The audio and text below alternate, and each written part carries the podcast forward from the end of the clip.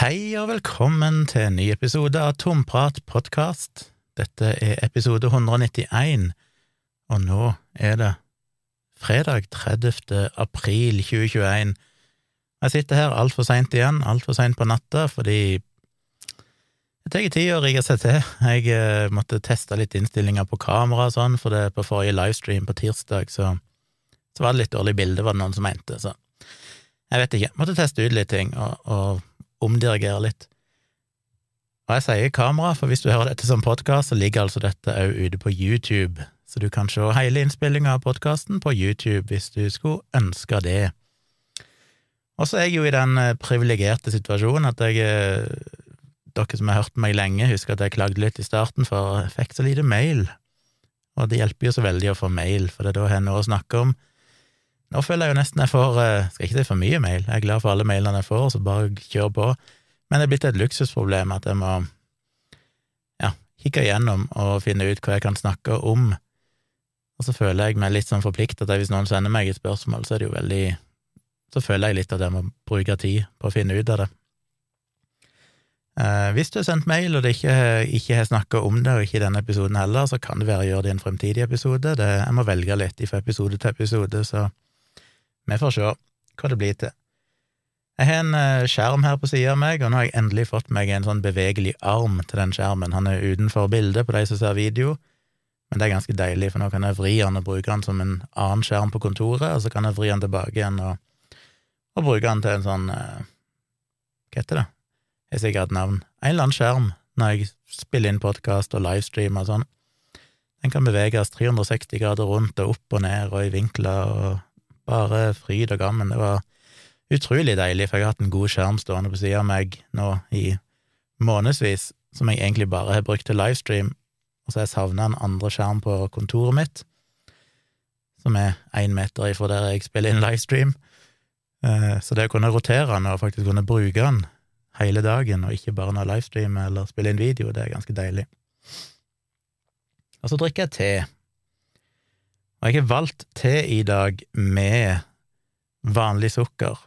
I dag har jeg jo en fastedag, det har gått uh, ganske greit, rett og slett.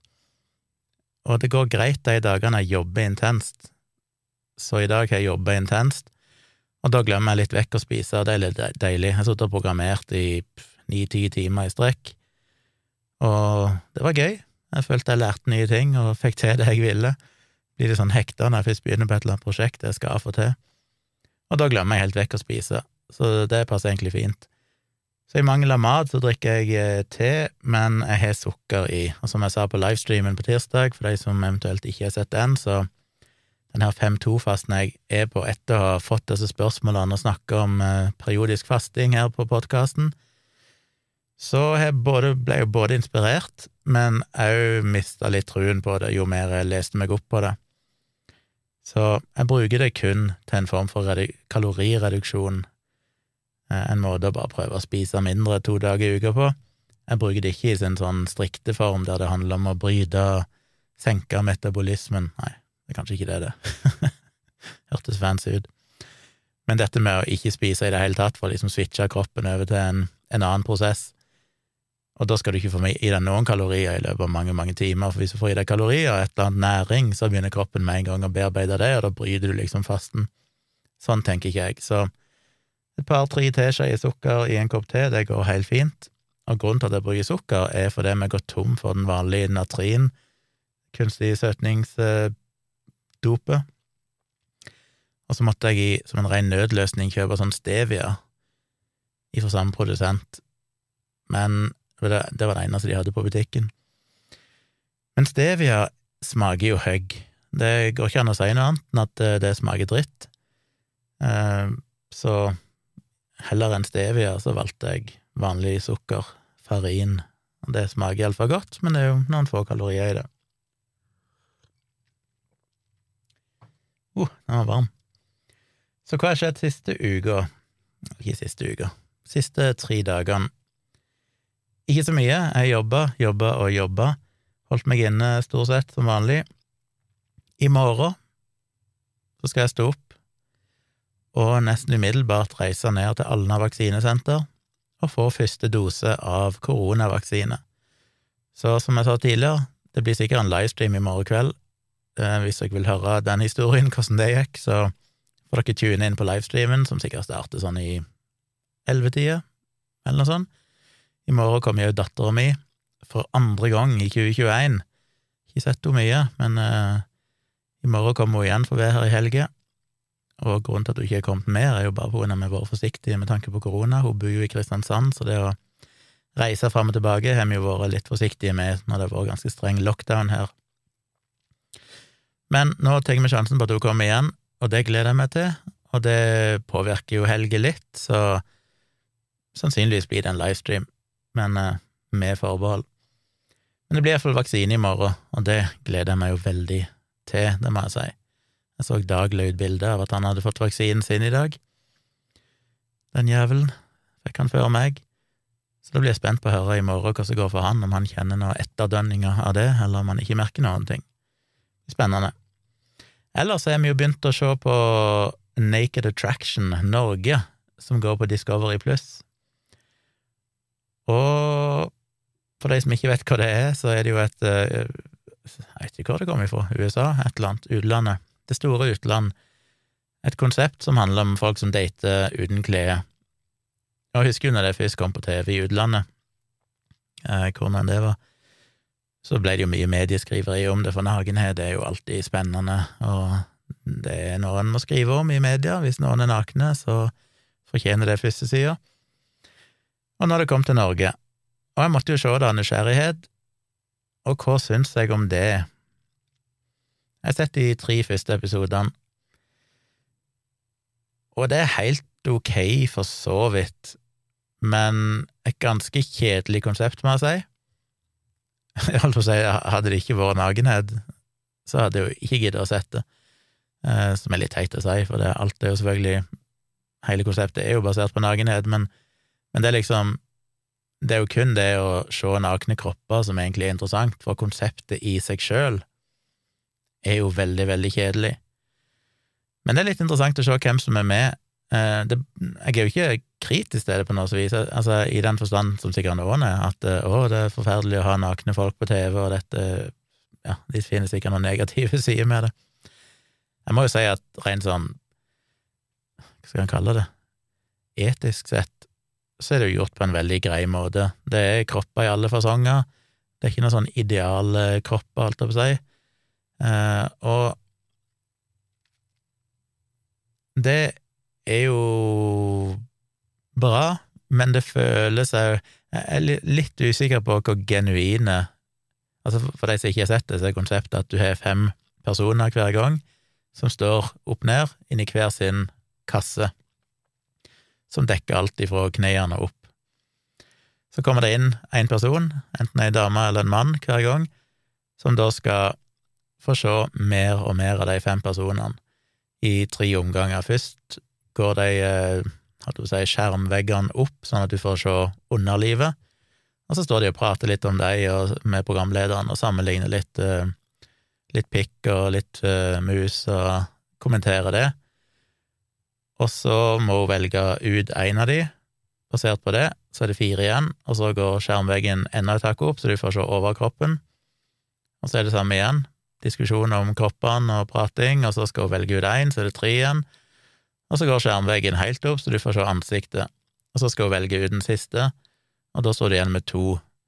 Og så skal den personen som da date, skal date, eller ja, alle skal jo date, alt opp seg, men den som er hovedperson, som til da har vært påkledd, skal på det tidspunktet, når det er bare to igjen, som da står nakne ute på scenegulvet, holdt jeg på å si, så skal den, hun, hun, eller han gå ut og kle av seg og komme inn igjen, og så står alle tre nakne.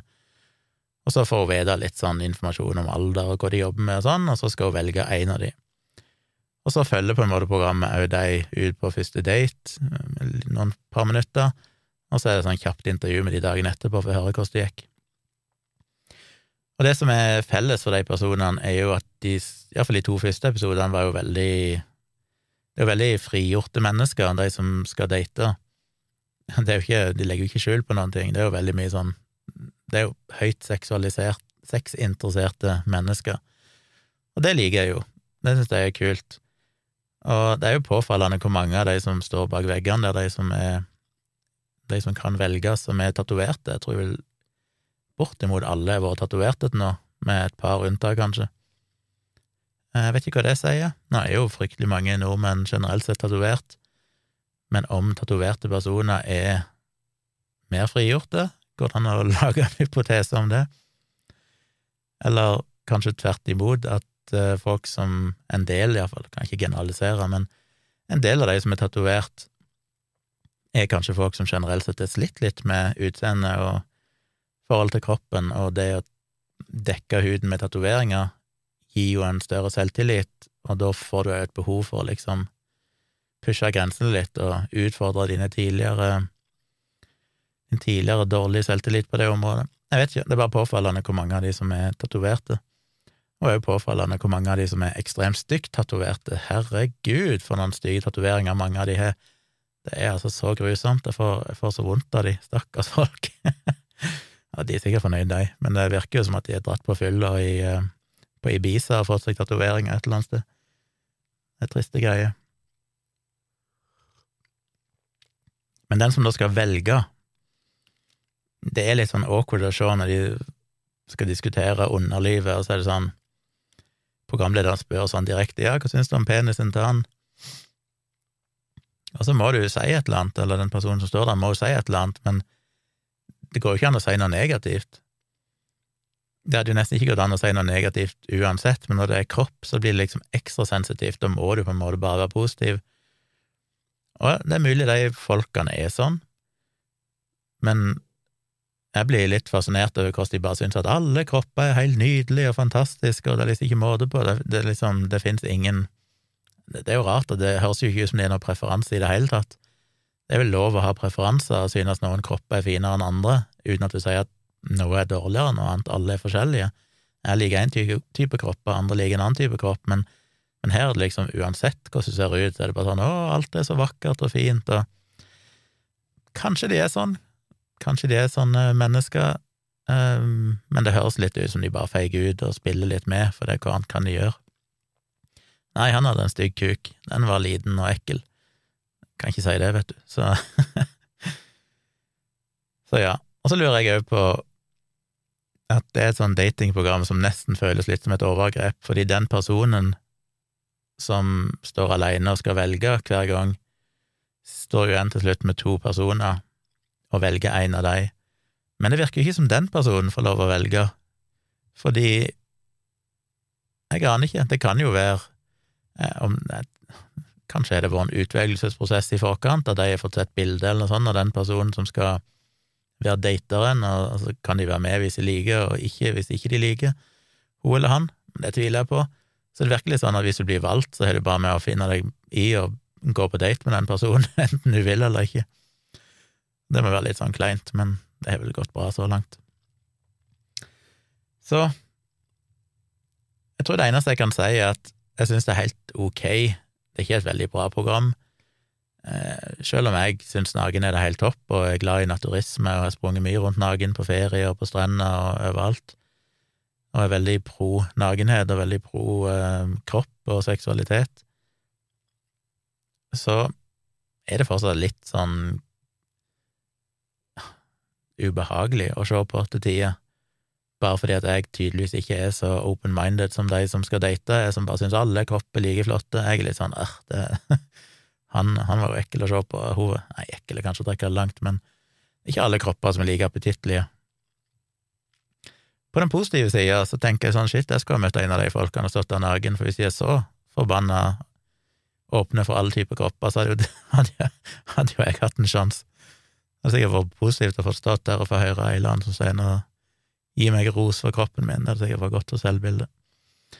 Så det, det, gir jo en litt sånn Det gir jo en litt god følelse å se det programmet, for det er uansett hvordan folk ser ut, så er det noen som står i studio og syns de er fantastiske, og det er jo selvfølgelig noe vi trenger mer av i denne verden, å gi litt selvtillit til alle. Men ellers så følte jeg jo nesten at det der kroppen eh, Jeg skal ikke hva det nå, men det programmet de hadde på NRK Super nylig, som handler om kroppen, som òg fikk mye ble mye ramaskrik rundt det, og som jeg snakket om i en tidligere episode av podkasten, syns nesten det var bedre.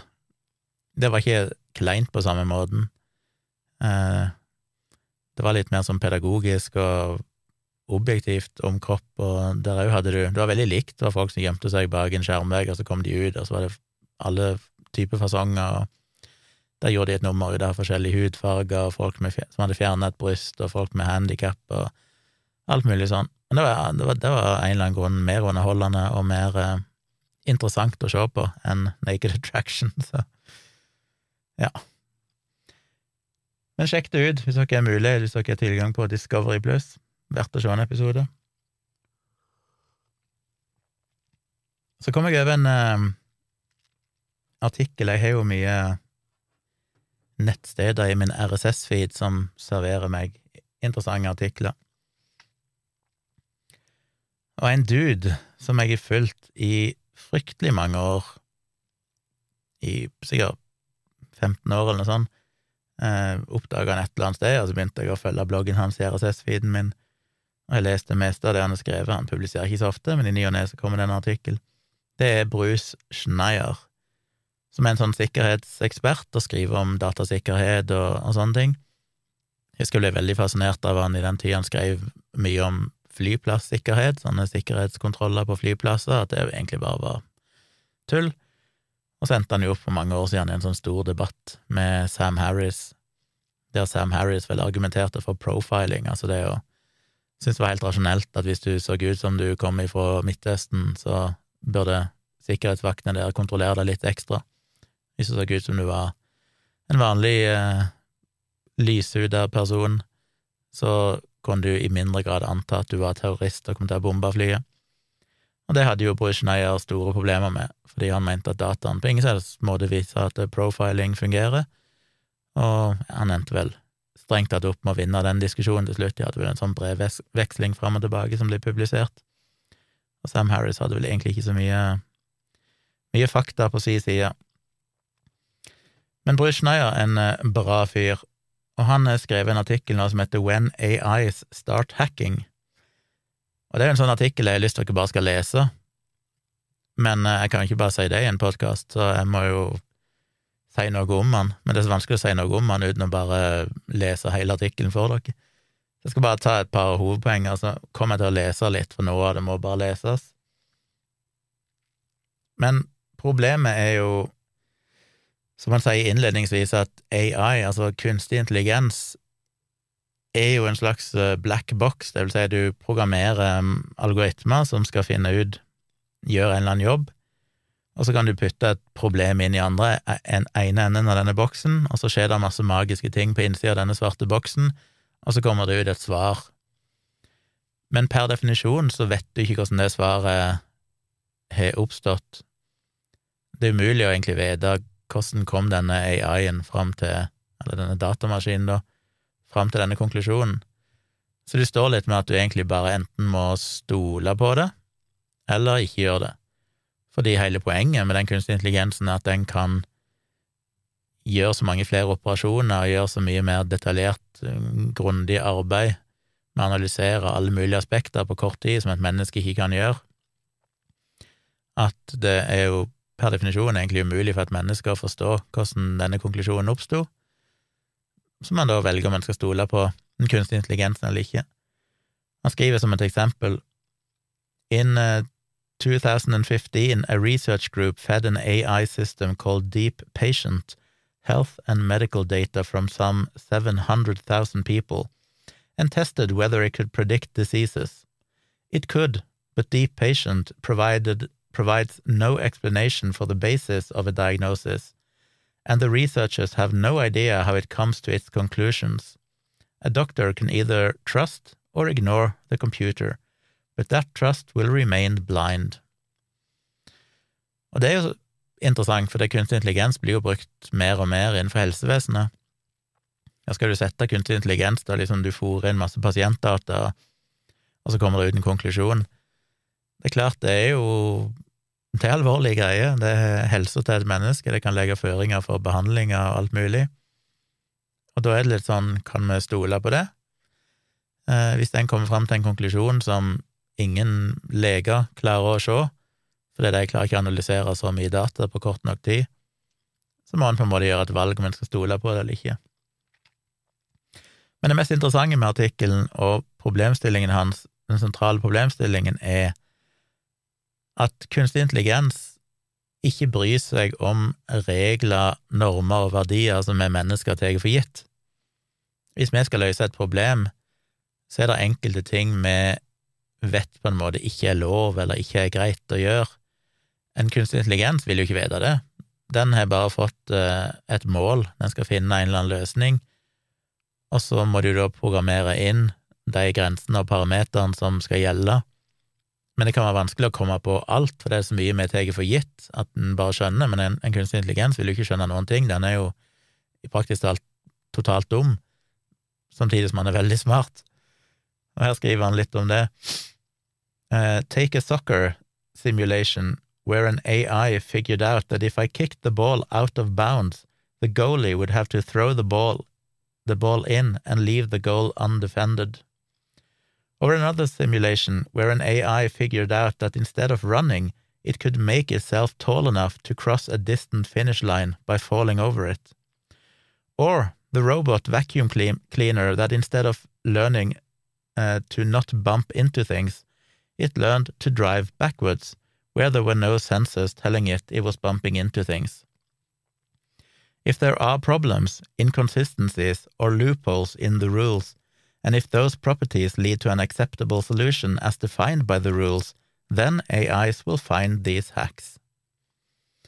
Så det er det interessante, at den har jo bare et problem som skal løses, og om måten han løser det problemet på, er bryter alle regler, og en liksom helt uakseptabel måte, så bryr jo ikke den seg om det. En må på en måte ha programmert inn alle disse grensene og det er jo da du når et slags sånn dilemma, fordi en AI vil kunne sjekke ut så mange flere muligheter enn det vi klarer å tenke oss, at det vil praktisk talt være umulig for mennesker å klare å se alle de måtene du kan omgå eh, grenser på for å komme til en, en, løsning som egentlig ikke er legitim.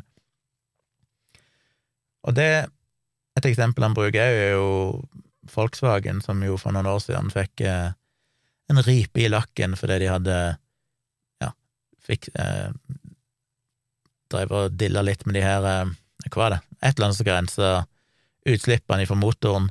Og så hadde de vel gjort det sånn at når du testa utslippene, så virka det som det slapp ut veldig lite forurensning. Men i praksis så slapp man ut mer forurensning. Så han scora jo veldig godt på liksom, han var veldig miljøvennlig. Men det var fordi de hadde hacka det til, sånn at hvis du kobla til testutstyr, så oppdaga systemet det, og dermed så kjørte han i en litt annen modus, et eller annet sånt, og det ble jo avslørt etter ei stund, og ble mye oppstyr om det. Men det er jo sånn klassisk eksempel på en AI ville gjort, fordi den tenker jo bare sånn å ja, her er det jo en løsning at hvis jeg bare reduserer utslippene når du er en test, så kan jeg jo bare øke det igjen når du faktisk kjører bilen til vanlig. En AI vil jo ikke ha noe moral eller etiske sperre med å gjøre det, det vil jo være en legitim løsning, det er jo en måte å nå en måte å oppnå målet på best mulig, nemlig minst mulig utslipp for denne motoren. Og det er ganske tricky. Så skriver han videre Må ha en slurk med te først. When AIs start hacking, everything will change. They won't be constrained in the same ways or have the same limits as people. They'll change hacking's speed, scale, and scope at rates and magnitudes we're not ready for. AI text generation bots, for example, will be replicated in the millions across social media. They will be able to engage on issues around the clock, sending billions of messages and overwhelm any actual online discussions among humans. What we will see as boisterous political debate will be bots arguing with other bots. They'll artificially influence what we think is normal, what we think others think. The increasing scope of AI systems also makes hacks more dangerous. AIs are already making important decisions about our lives, decisions we used to believe were the exclusive purview of humans. Who gets parole, receives bank loans, gets into college, or gets a job? As AI systems get more capable, society will cede more, and more important, decisions to them. Hacks of these systems will become more damaging. What if you fed an AI the entire US tax code, or, in the case of a multinational corporation, the entire world's tax codes? Will it figure out, without being told, that it's smart to incorporate in Delaware and register your ship in Panama? How many loopholes will it find that we don't already know about? Dozens? Thousands? We have no idea.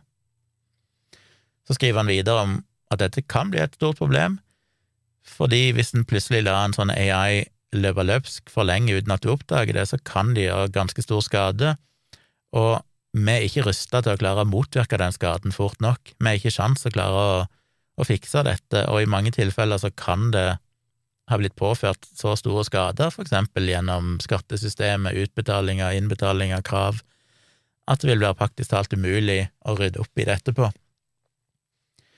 Så sier han jo òg at eh, på den positive sida så kan jo òg AI brukes, og det gjør det jo allerede, til å nettopp finne sånne sikkerhetshull, finne sånne omveier, og hjelpe oss til å gjøre sikkerheten bedre, gjøre IT-systemer tryggere og sikrere.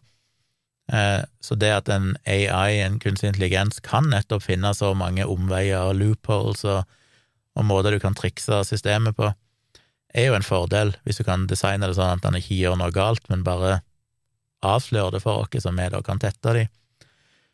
Men eh, konklusjonen hans er vel bare generelt sett at eh, vi er nødt til å begynne å tenke på det. Vi er nødt til å begynne å designe myndigheter, styre og stell, sånn at det er liksom rusta til å kunne reagere når et eller annet sånt skjer.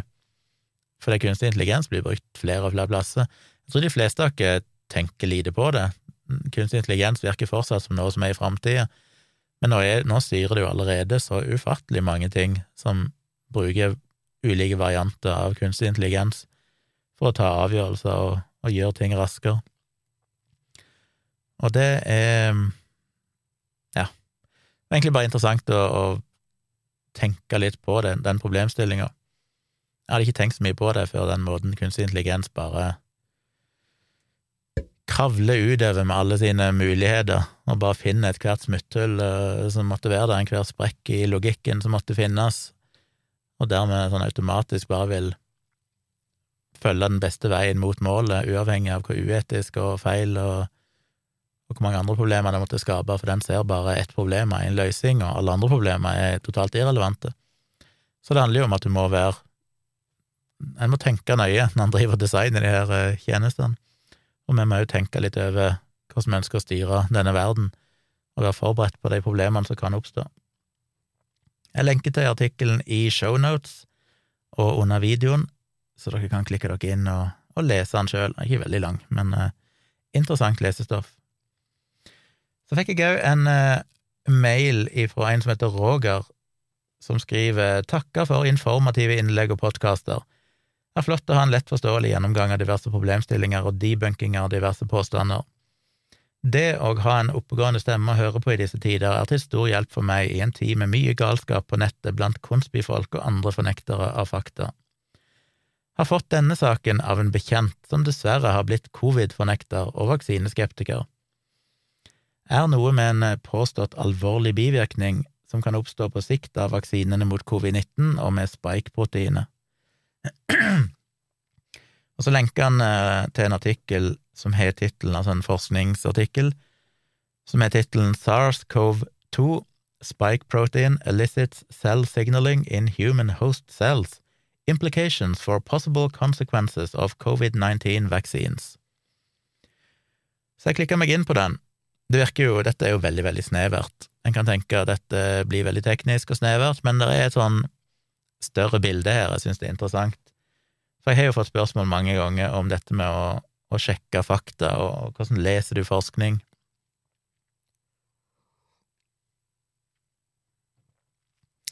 Og en viktig ting er jo å forstå forskjellen på forskjellige forskningsartikler, altså ting som er publisert i vitenskapelige tidsskrifter. Det er ikke sånn at alt vi har publisert der, er studier, altså studier som faktisk er utført et eksperiment.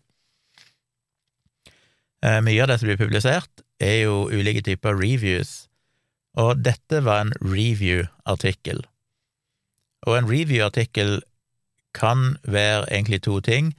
Det kan være en vanlig review som egentlig bare er en slags artikkel som prøver å oppsummere et tema og si litt om kanskje litt om historikk, eh, skissere en problemstilling og gi en slags oversikt over forskningen per i dag. Hva vet vi i dag med kildeanvisninger og sånn?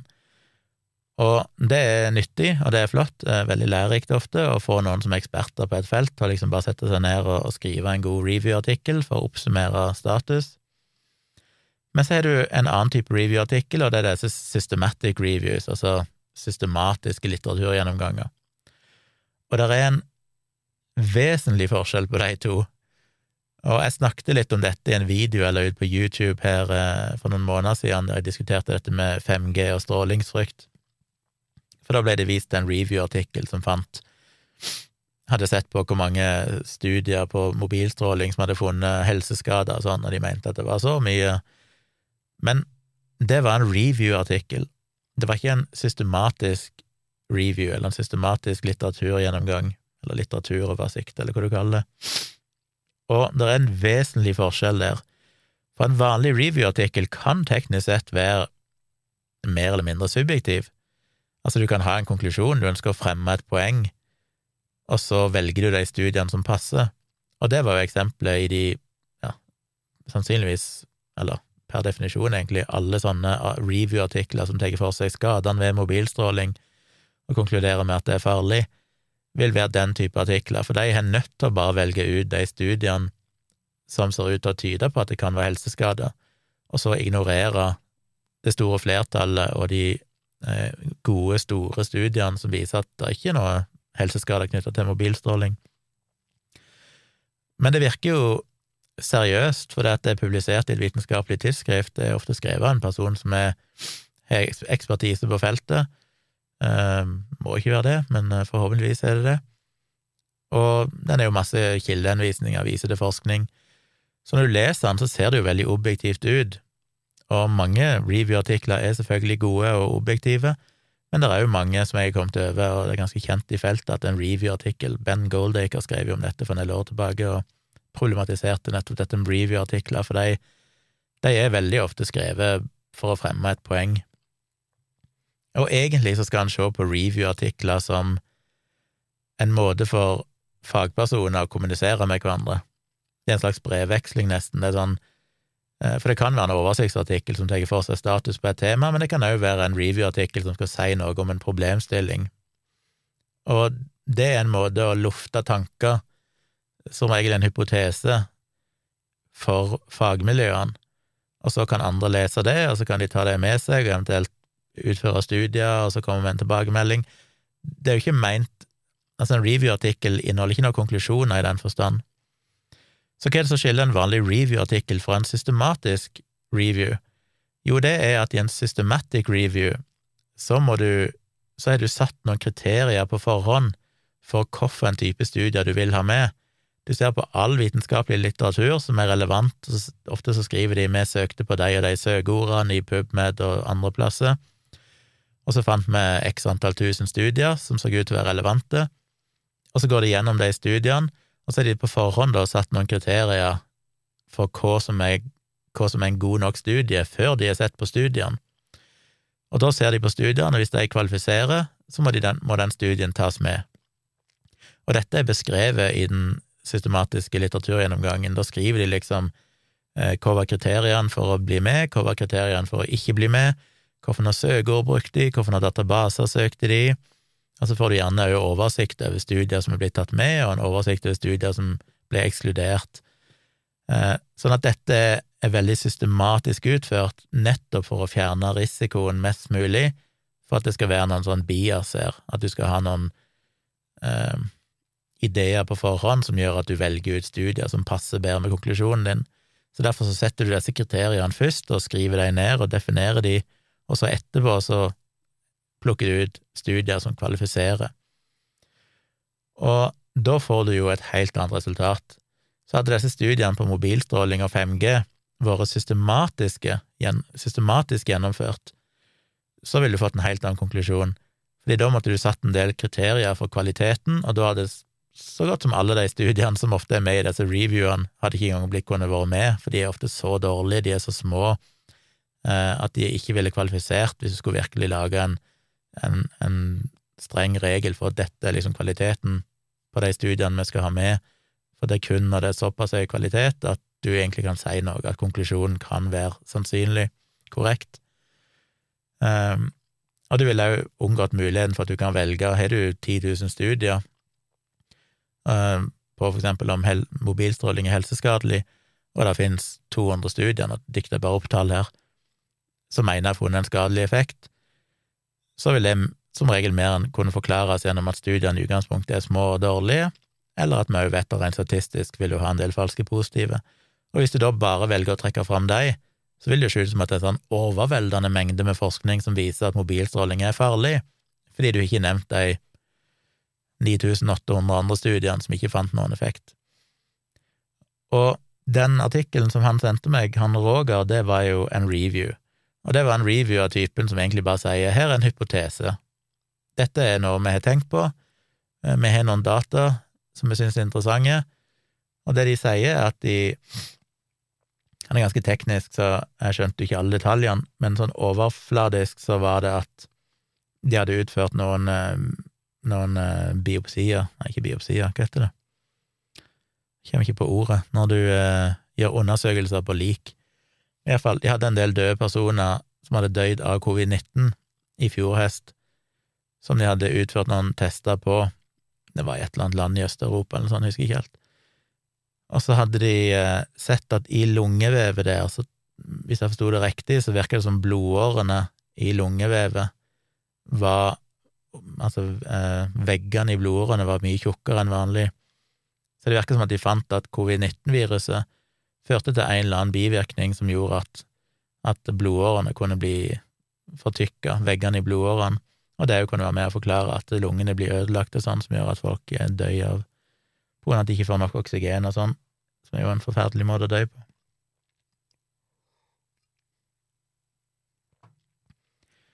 Og så har de da en hypotese om at, basert på noe data fra noen rottestudier eller sånn, så jeg skjønte det, så lurte de på om det kanskje kan være sånn at disse spike-proteinene Dere har jo alle sett bilder av SARS-CoV-2-viruset tusen ganger, denne runde ballen med sånne pigger på. Og når de piggene kommer i kontakt med overflata av cellene i kroppen din, så er utgangspunktet at de da skal overføre DNA inn i cellene og sånn, og så begynner cellene å replikere virus og så videre. Eh, men de mente jo at, når, at det kunne være en annen effekt, at når du får kontakt med celleveggen, så får det òg cellene i kroppen vår til å sende ut noen sånne signaler, kjemikalier, som kan påvirke andre prosesser i kroppen, og det kan kanskje føre til noen negative helseeffekter som de da mener at de har sett i covid-19-pasienter, som jo selvfølgelig er jo utsatt for disse piggene, for de finnes jo på de ekte virusene. Så det er jo egentlig en hypotese. De sier jo ikke at dette er en risiko, dette er en farlig, vi har funnet ut at det er sånn og sånn. De har ingen data, null data. De hevder ikke å ha noen data på at vaksinene kan ha noen negativ effekt. Det finnes absolutt null data, det er bare ren holdt på å si spekulasjon, men altså det, dette er jo seriøse forskere, det er ikke noe galt i review-artikkelen i seg sjøl, det er bare at en må ta den for det det er.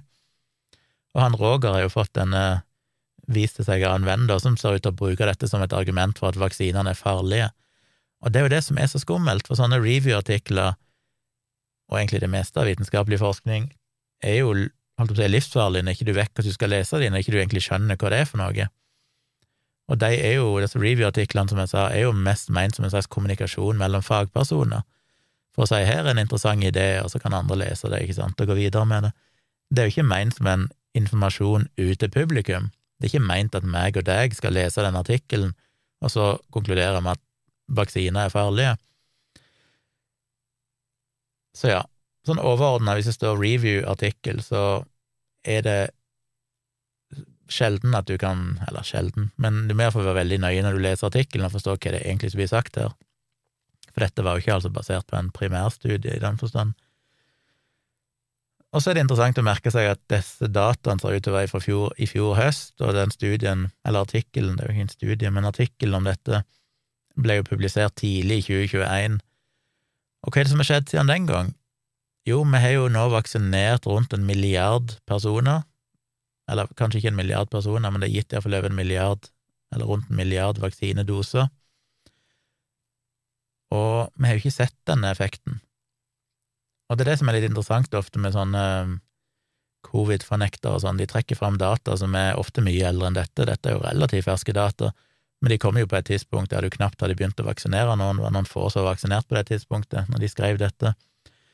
Eh, men nå har vi jo noen måneders erfaring med de vaksinene, og vi har jo ikke sett noen negative effekter av den typen de skisserer. I tillegg må man huske på at de som var med i de fase tre-studiene for å godkjenne vaksinene, de var jo med, de aller første ble jo med i slutten av juli i fjor. Så de som ble vaksinert tidligst, har jo nå tre kvart år erfaring med vaksinene, og der har vi heller ikke sett noen av disse bivirkningene. Og så er det viktig å huske på at historisk sett, jeg mener det er jo det vanlige, kanskje det vanligste argumentet mot vaksiner generelt sett, det er jo dette med langtidsbivirkninger. Vi vet jo ikke langtidseffektene men i realiteten så er det vel Jeg har slitt med å finne det, og jeg har sett andre eksperter på dette snakke om det, som sier at det basically ikke finnes noen eksempler. Det finnes ett eller to eksempler, holdt jeg på å si, der, der det dukker opp eh, bivirkninger veldig lenge etter vaksinen ble gitt. Eh, noe av det lengste er kanskje nettopp narkolepsi etter svineinfluensa, eh, der det kunne ta flere måneder før en begynte å oppdage dette. Eh, kanskje så mye som over et år. De har vel godkjent sånne pasientskadeerstatningssøknader hvis du fikk symptomene innen to år, tror jeg, eller noe sånt. Men generelt sett så ser en jo aldri dette. Så ideen om at det skal dukke opp noen sånn langtidsbivirkninger om et år eller om fem år, er sånn historisk sett helt utenkelig. Så godt som alle bivirkninger som oppstår fra vaksiner, skjer jo de aller, aller fleste skjer jo i løpet av noen minutter, og så er de andre skjer som regel i løpet av dager eller uker, i verste fall. Så sånn sett så har vi allerede nok data til å si at det er ekstremt lite sannsynlig at det skal dukke opp en veldig sjelden bivirkning langt fram i tid. De alvorlige bivirkningene vi har sett nå, som har ført til noen dødsfall, eh, med disse spesielle kombinasjonene av blodpropp og blødning og sånn, de skjedde jo òg innen to uker etter vaksinen, relativt kort tid etter de fikk vaksinen. Så det i seg sjøl er jo lite sannsynlig. Det er ikke umulig, men det er lite sannsynlig. Og så koker jo alt ned til at det dør jo flere titusener mennesker hver dag verden over av covid-19, så det er litt sånn Ja, du kan ikke være helt sikker, men vi kan heller ikke vente fem år før vi begynner å vaksinere, fordi da vil det ha dødd mange, mange millioner mennesker, og selv i et worst case scenario så vil det neppe dø mange, mange millioner mennesker av en vaksine der en ikke har sett eh, noen av disse bivirkningene i løpet av det første året, omtrent. Eh, så det er bare Det er liksom sånn Ja, om det så skulle vise seg å være en alvorlig bivirkning i framtida, så vil den sannsynligvis, eller garantert, være vesentlig mindre enn risikoen ved å ikke vaksinere noen. Det er jo de harde data som er kommet til hver gang. Og så fikk jeg en mail ifra eh, Erik, som jo har begynt å sende meg hver uke en mail som heter Gunnars godtepose, som er veldig, veldig bra. Han samler litt sånn linker og interessante ting som jeg kanskje vil se på og snakke om. Jeg er litt dårlig samvittighet, for jeg har ikke rukket å brukt noe av det ennå. Eh, men nå tenkte jeg jeg skulle få prøve å få brukt Jeg har et par ting iallfall han har sendt meg, som jo er lite av alle de titalls artiklene jeg har fått, men men den ene jeg synes var bare litt interessant å snakke om, fordi jeg var så vidt innom det i en tidligere livestream, det er dette med røyking og covid-19. Og det var bare en artikkel der han viser til en, eh, eller der det ble vist til en studie som ble publisert i juli 2020, som fant at folk som røykte, hadde 23% lavere risiko for å dø av covid-19. Jeg husker jo at jeg hang meg opp i det i fjor, jeg òg. Det var litt sånn, for på det tidspunktet vapa jeg fortsatt. Nå har jeg ikke vapa på ja, tida flyger. Det er kanskje nesten et par måneder når jeg ikke har vapa. Iallfall en del uker. Jeg bare slutta en dag, og så har jeg ikke gjort det siden. Uh, Uvisst hvorfor. Men uh, Så jeg hadde liksom sånn tenkt, En tenker jo alltid når en driver med noe sånt, at det er sånn ah, kanskje vi skal endelig få en gevinst. Dette som alltid blir kalt å være farlig. Nå er jo vaping ekstremt mye mindre farlig enn tobakksrøyking, selv om risikoen neppe er null. Men en tenker jo alltid at det er en, en liten risiko som kanskje er unødvendig. Så jeg tenkte jo med en gang at her kan det være noe med nikotininnholdet som gjør at um, koronaviruset ikke virker på samme måte. Er, det rett og slett en fordel her? Jeg, så jeg ble jo, hengte meg litt opp i det, men så har jeg ikke hørt så mye om dette på, og generelt sett tenkt at det er neppe korrekt, fordi røyking blir jo regna som en risikofaktor ved covid-19. Eh, sannsynligvis er en jo mer utsatt for å dø hvis en røyker, har tanken våre. Men den artikkelen handler jo bare generelt sett om at den 4. mars i år så ble denne studien da trukket tilbake, det vil si den ble avpublisert for det tidsskriftet som hadde publisert det.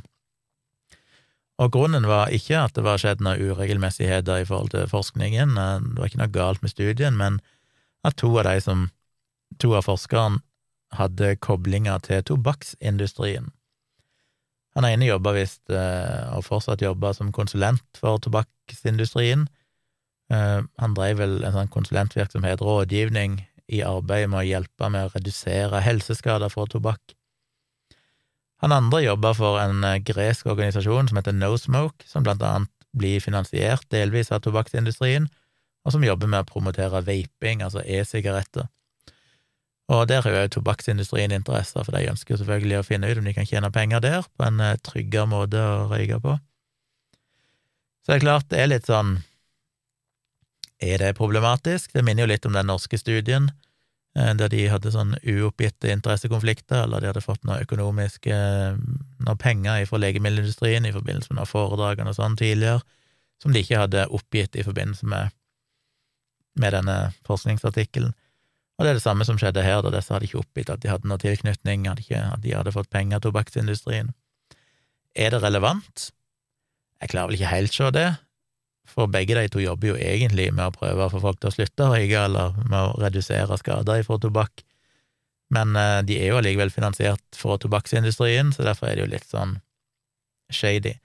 Det sto òg at eh, normalt så er jo ikke det grunnlag for å trekke en artikkel, det så vi jo med den norske studien òg, det er jo ikke sånn at den studien ble eh, trukket tilbake igjen, det ble bare litt ramaskrik om at dette burde være oppgitt, disse økonomiske ja, konfliktene som var der i den grad det var noe konflikt i det hele tatt, men sånn på papiret var det det. Men det de sier, at dette her tidsskriftet Nå glemte jeg å notere hvorfor et vitenskapelig tidsskrift var, men der iallfall denne studien hadde blitt publisert, de sa at eh, akkurat når det gjaldt tobakksindustrien, og dette vil jeg tro gjelder sikkert hos mange vitenskapelige tidsskrifter, så er en spesielt streng. Og grunnen er, som dere sikkert vet, at tobakksindustrien har jo en forferdelig grumsete og grisete historie med å ha drev og finansierte alt mulig av forskning sånn som skal vise at tobakksrøyking er ufarlig og, og, til og med sunt, og det er ikke måte på, eh, gjennom ja, store deler av eh, etterkrigstida og sånn, og kanskje før det òg. Så, så, de har en jo veldig lav terskel for å akseptere. En er veldig forsiktig med tobakksindustrien, for de har vært notorisk eh, skumle i, det, i dette i alle år. Så akkurat derfor, siden det var tobakksindustrien som var tema her, så så trakk de faktisk studien tilbake igjen. Men det interessante er jo allikevel at det er en del andre studier som har funnet den samme sammenhengen, nemlig at folk som røyker, ser ut til å være mindre utsatt for alvorlig covid-19-sykdom. Så jeg tok meg ikke tid, faktisk, jeg må få gjort det. Eh, det er litt arbeid, men å se hva egentlig som er status der, hva vet en egentlig om det? Fordi på tross av disse studiene, så er det jo fortsatt regna som en risikofaktor å være røyker, med tanke på covid-19, men det er altså en del forskning som viser at det ser ut til å være motsatt, at det faktisk kan beskytte deg til en viss grad. Eh, nå sier ikke jeg at det gjør det, jeg vet ikke, jeg bare sier at det ble nevnt at det er en del studier, de lenker til en del andre studier som fant det samme.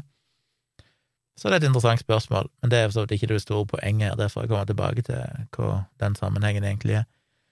Men litt interessant at den studien ble trukket tilbake, det kan være viktig å huske på hvis dere ser noen vise til den, så er iallfall den eh, den store studien som fikk en del omtale, trukket. Men han ble jo ikke trukket fordi det var noe galt med studien, men fordi det var interessekonflikter. Så får han jo vurdere om det kan ha påvirka dette eller ikke.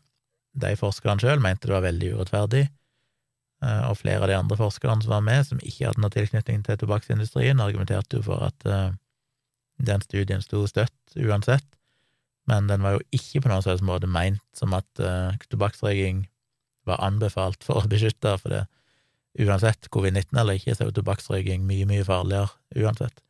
Hvem av de siste dataene viser vel at oppimot 60% av de som røyker tobakk, altså, ender opp med å dø av det. Så hvis du røyker, så er det mer enn 50 eh, sjanse for at du faktisk kreperer av røykinga di, at det tar livet av deg til slutt. Så det er jo ikke mange ting som er så høy risiko her i livet som at det er en sånn 50 sjanse, eller 60 sjanse for at du dør av det. Det er jo odds de færreste vil ta. Sånn er det. Så må jeg òg ta en, eh, til slutt en liten eh, en annen artikkel som var litt interessant, som jeg fikk fra Erik i Gunnars godtepose. Det var en tidligere godtepose jeg hadde fått, som jeg ikke har brukt ennå. Men den handler om eh, Paracet, eller paracetamol, som er litt interessant, fordi i min bok Placebo-defekten, som dere ser her oppe hvis dere ser på video, som jeg ga ut i 2013, der skriver jeg jo litt om eh, den der påstanden fra en del alternativer med at eh, vitenskapen avviser det bare fordi de ikke kan forstå det. For eksempel, vitenskapen avvises nå som manns evner fordi vitenskapen ikke kan forklare hvordan det virker, og alt som ikke vitenskapen kan forklare, det bare avviser de som eh, tull og vas. Og det er jo veldig feil. Det er jo ikke sånn vitenskapelig forskning fungerer. Det interessante er jo å se om et fenomen er reelt, uavhengig av om du kan forklare det eller ikke og så etterpå så prøver en da å forklare det, hvis du først har dokumentert at det er reelt.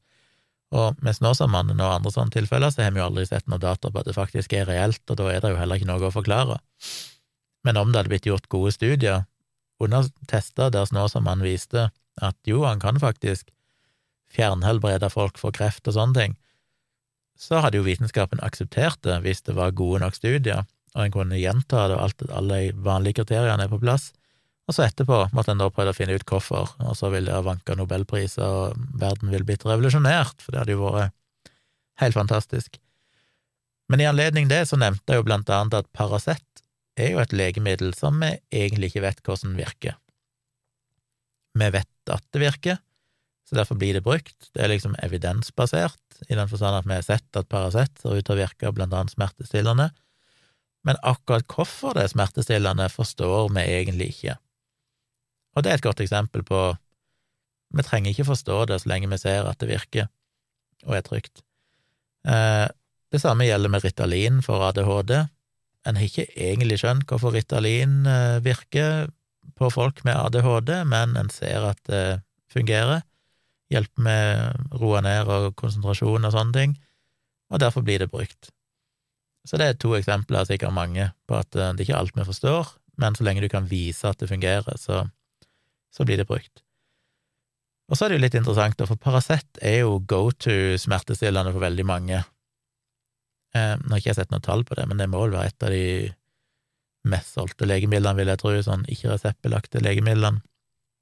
Det vil ikke overraske meg, det står jo i fulle hyller i alle butikker. Eh, men det interessante var at eh, det var noen forskere, hva var det, fra Australia eller noe sånt, som hadde gjort en systematisk litteraturgjennomgang av systematiske litteraturgjennomganger. Så de hadde altså sett på systematic reviews der Paracet, eller paracetamol, var testa for forskjellige smertetilstander, og så gjorde de en systematisk review av alle de systematiske reviewene. Og som jeg nevnte tidligere, så betyr det at de da har satt noen kriterier. Studiene må være, ha sånn og sånn kvaliteter for at de skal kunne være med. Eh, og de spesifiserer det veldig nøye på forhånd og skriver dette i artikkelen, sånn at de som leser den systematiske oversiktsartikkelen, kan da skjønne hvordan disse artiklene blir utvalgt, og kan da òg sjekke det sjøl, for å sjekke at det ikke er noen sånn skeivheter her, at ikke de bare valgte ut studier som passer de og sånn, i motsetning til en vanlig review-artikkel.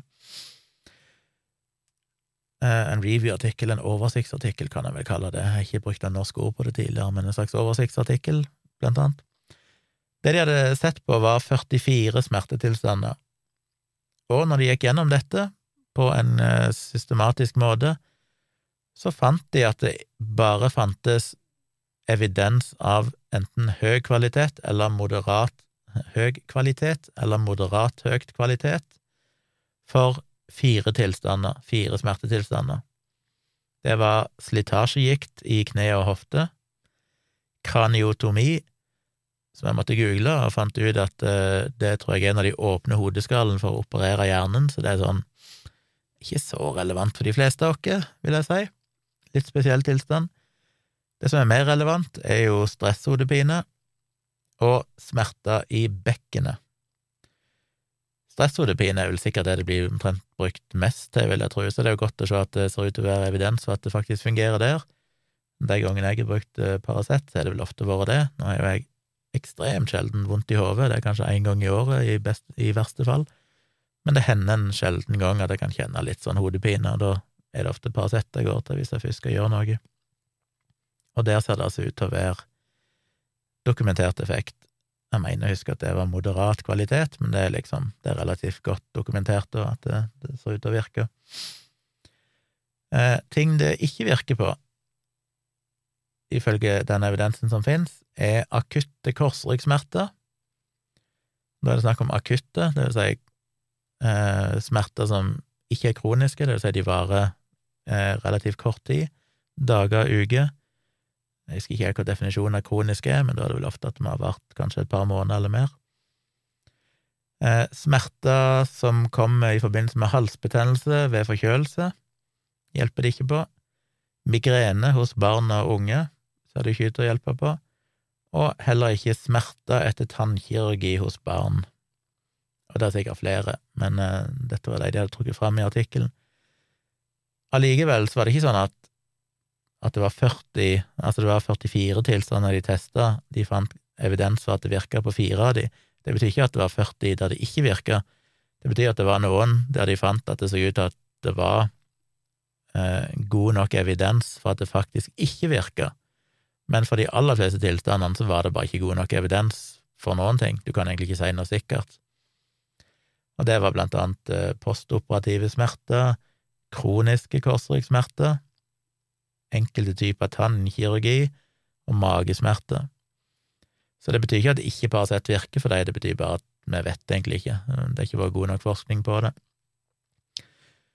Så det er jo litt interessant eh, at et så mye brukt legemiddel, når en virkelig går inn og ser nøye på det, så blir det nok overbrukt ganske mye.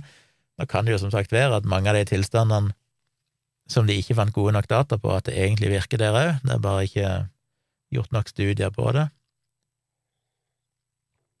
Men det er altså bare fire tilstander der det faktisk ser ut til å ha der det finnes god evidens for at det faktisk virker.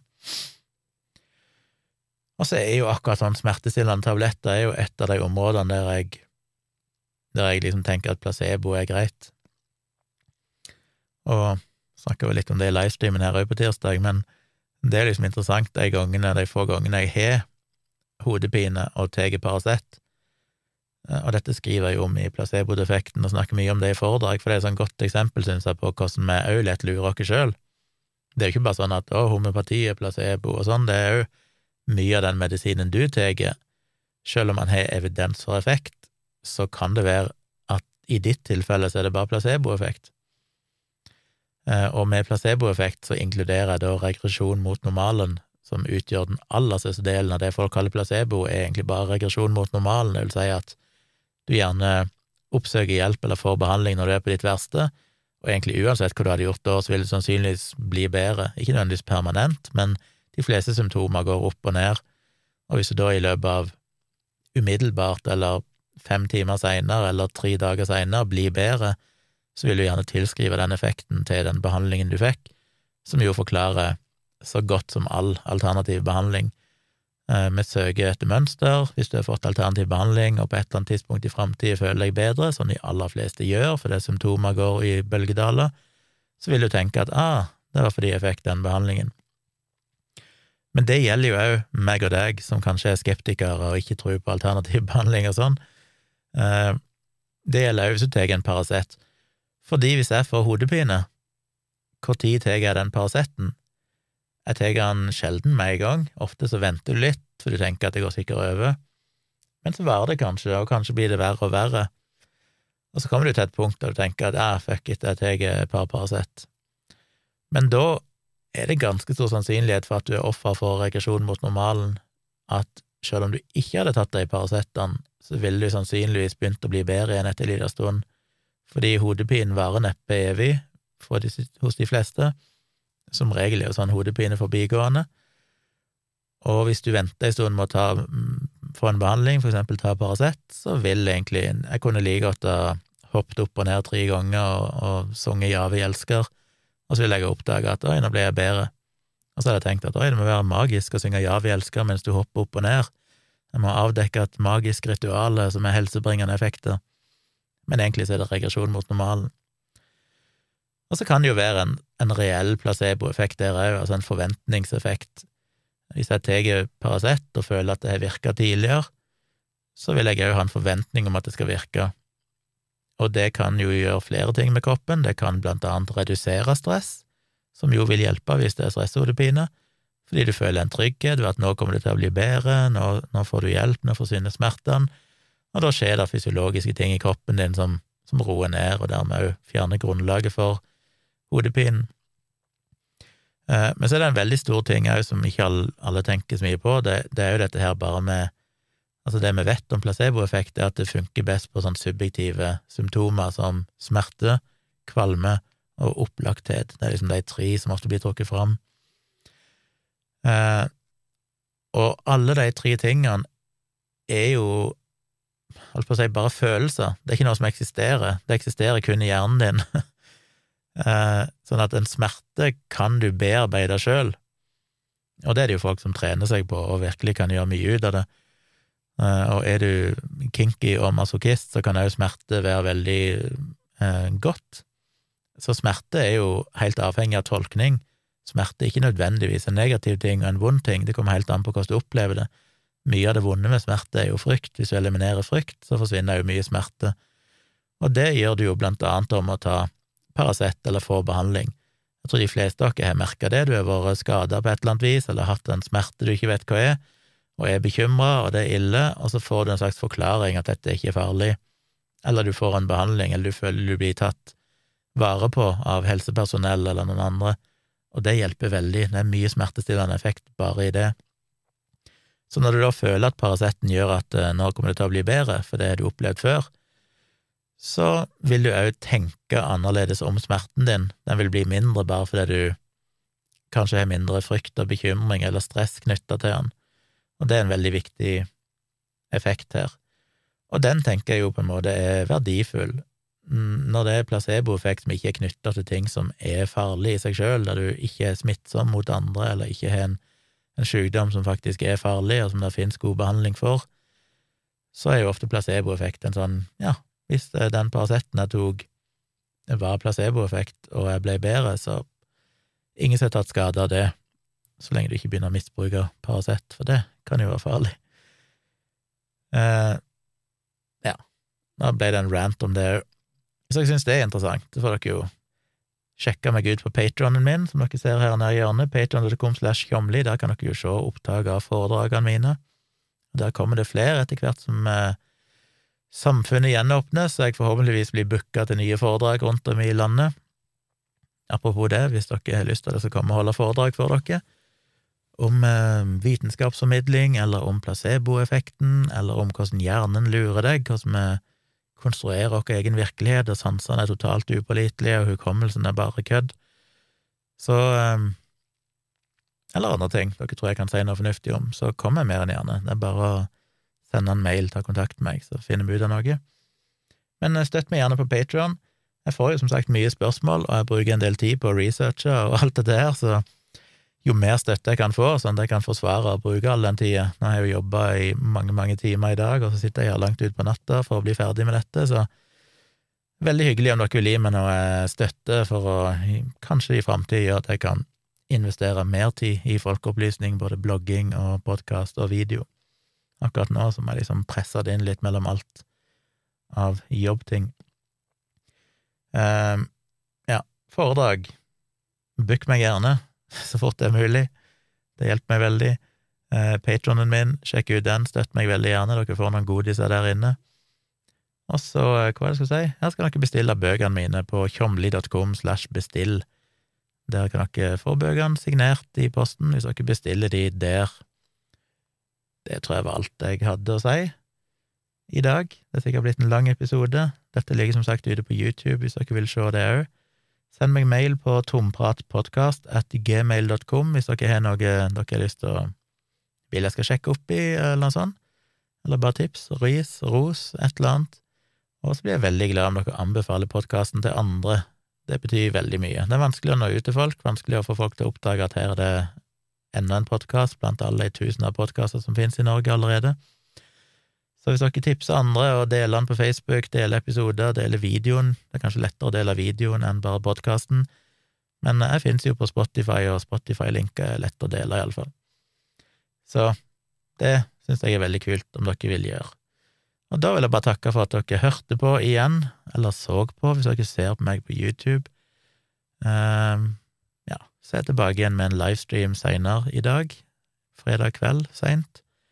Og så tilbake med en ny episode på tirsdag, og i morgen blir jeg vaksinert, så kryss fingrene for at jeg ikke kreperer av et eh, allergisk reaksjon som jeg aldri har fått før, som er lite sannsynlig. Men hvem vet?